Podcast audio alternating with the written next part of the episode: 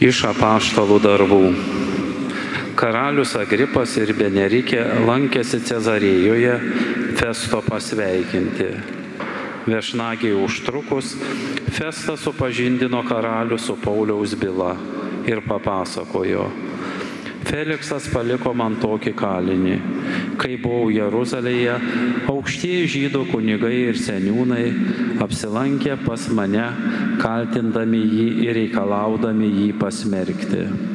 Aš jiems atsakiau, kad romėnai neturi papročio pasmerkti kokį nors žmogų, nedavę kaltinamajam galimybę stoti savo kaltintojo akivaizdoje ir gintis nuo kaltinimo. Jiems šionai atvykus, aš nedelsdamas rytojaus dieną atsisėdau į teismo krasę ir liepiau atvesti tą žmogų, skundėjai nesugebėjo įrodyti jokio nusikaltimo, kokio buvau tikėjęsis. Jie vien tik ginčijosi ir jam prikaišiojo dėl kai kurių savo tikėjimo klausimų ir dėl kažkokio mirusio Jėzaus, kurį Paulius tvirtino esant gyvą. Dvėjodamas, kaip išspręsti tokius klausimus, aš paklausiau, ar jis nenorėtų vykti į Jeruzalę ir tenai būti teisiamas. Bet Paulius pareikalavo, kad jo byla būtų perduota Augusto žiniai. Todėl aš įsakiau jį toliau kalinti, kol išsiūs pas Ciesorių. Tai Dievo žodis.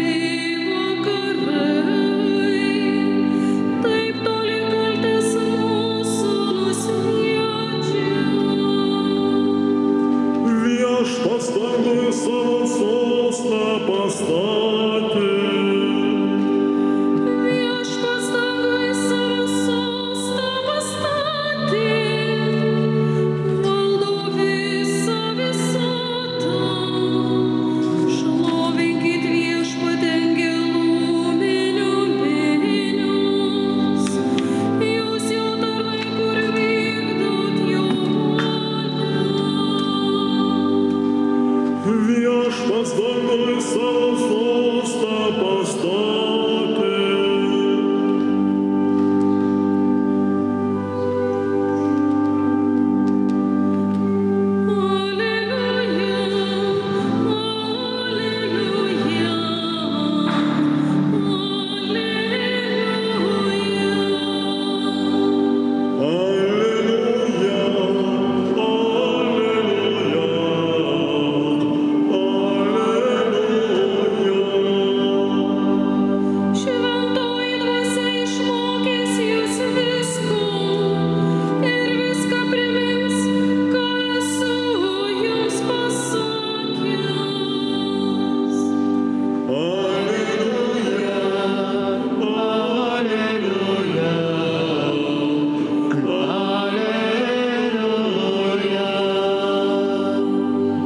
Viešpats su jumis. Pasiklausykite Šventojios Evangelijos pagal Joną. Gaitau viešpatį. Papusryčiavus Jėzus paklausė Simoną Petrą. Simonai, Jono sūnau, ar myli mane labiau už šitos? Tas atsakė, taip viešpatie, tu žinai, kad tave myliu. Jėzus jam tarė, ganyk mano avinėlius. Ir antrą kartą Jėzus paklausė, Simonai Jono sūnau, ar myli mane? Tas atsiliepė taip, viešpatie, tu žinai, kad tave myliu. Jėzus jam pasakė, ganyk mano abeles. Jėzus paklausė dar ir trečią kartą, Simonai, Jono sūnau, ar myli mane? Petras nuliūdo, kad Jėzus trečią kartą klausė, ar myli mane ir atsakė viešpatie, tu viską žinai, tu žinai, kad tave myliu. Jėzus jam tarė, ganyk mano avis.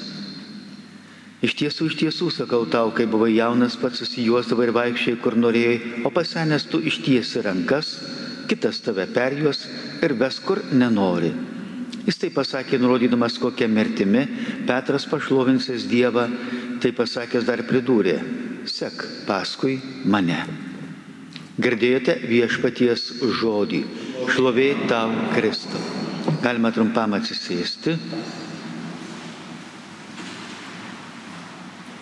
Jėzus Petro, kuris tris kartus jo išsigynė viešai prie žmonių, dabar tris kartus paklausė, Petrai, ar myli mane? Kaip jums atrodo, ką reiškia e, žodis e, mylėti? Kas tas per daiktas? Oi, man gražu, man patinka, labai nuostabu, tai myliu. Čia net per televizorių rodo myliu dešrą, myliu kopūstus, myliu ten dar kažką. Jau žmonės iš viso susimaišė.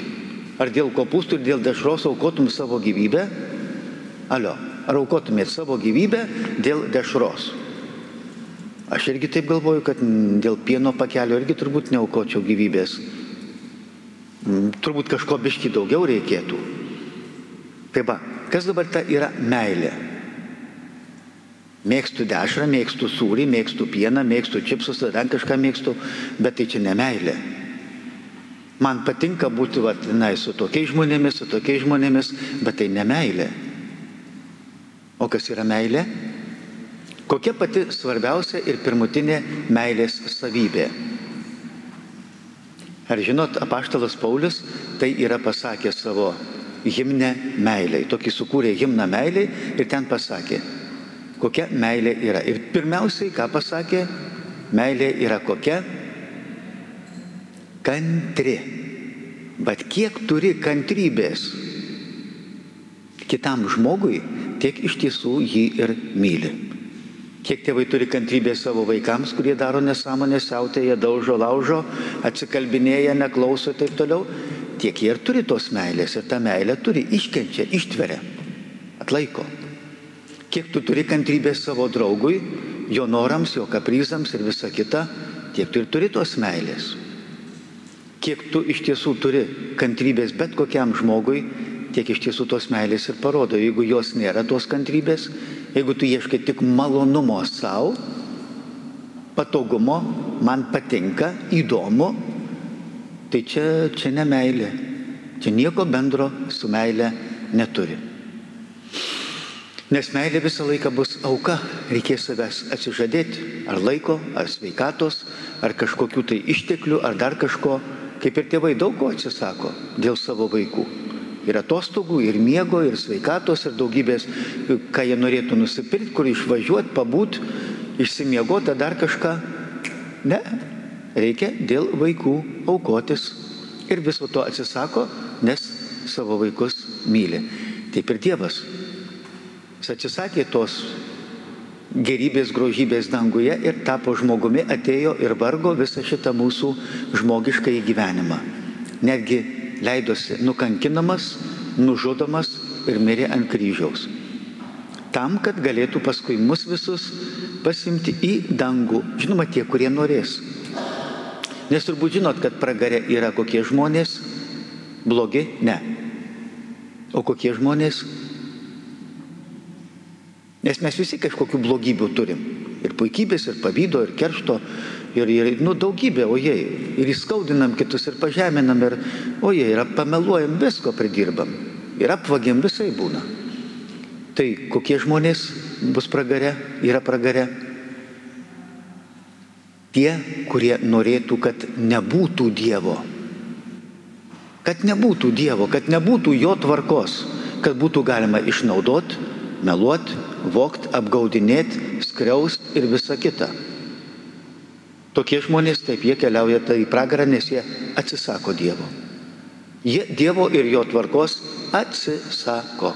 O visi, kurie tą tvarką priima, nešiojasi savo širdyje, tie keliaus į rojų.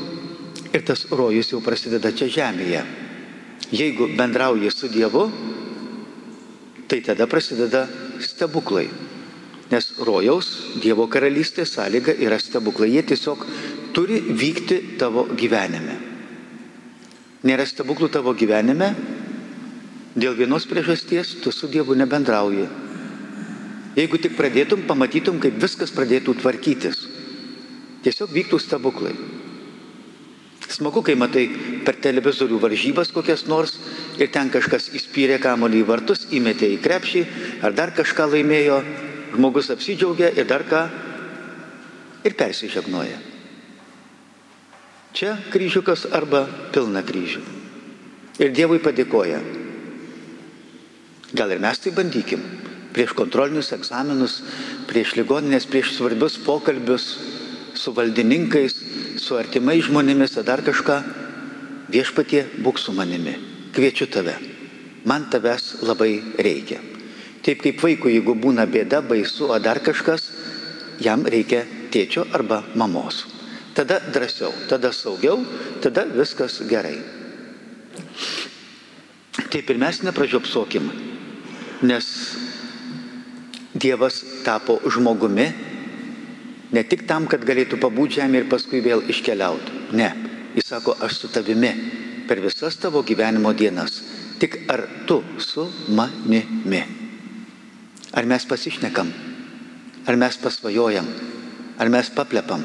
Ar mes dalinamės? Dieve, kaip tu norėtum, kaip reikėtų važiuoti, nevažiuoti, pirkti, nepirkti, susitikti, nesusitikti, kur atostogauti, kada, kaip, kas, kokį namą statytis, viską. Iki smulkmenų. Ir Dievas duos įkvėpimą, nukreips ir tu nusipirksi tą automobilį, kuris iš tiesų bus geras.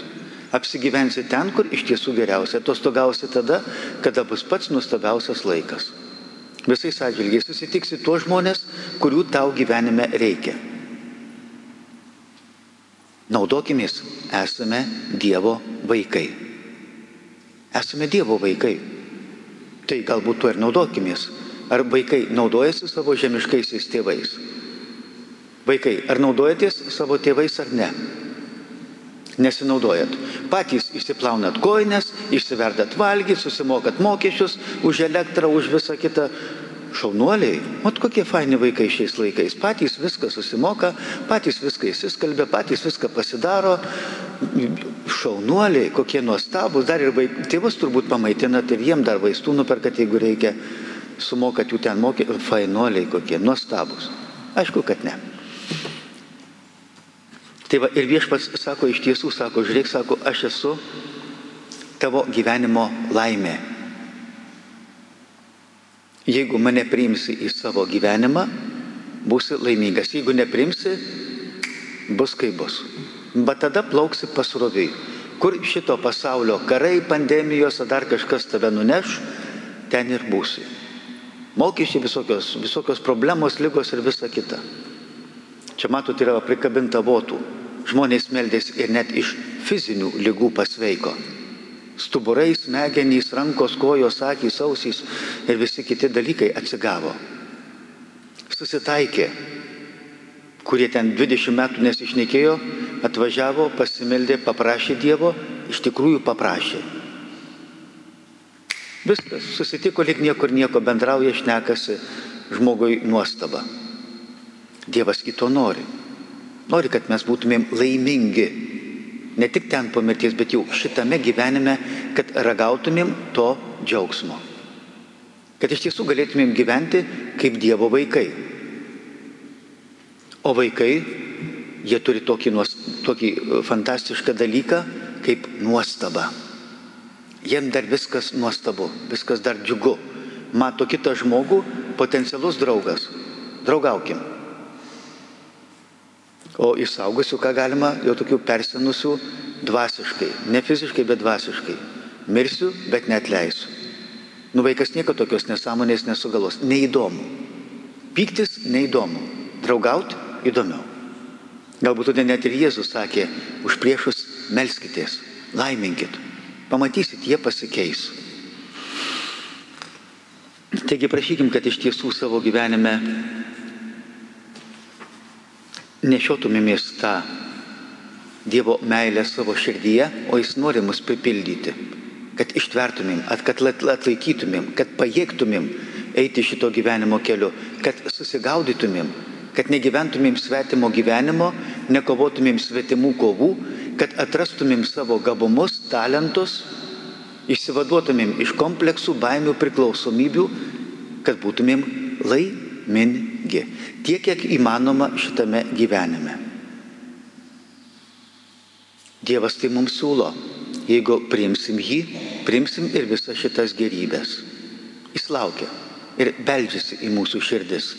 Ir tikisi, kad neatstumsim jo, kad patys netapsim savo priešais, bet mokėsim mylėti save. O tai reiškia tuo pačiu ir Dievą. Amen.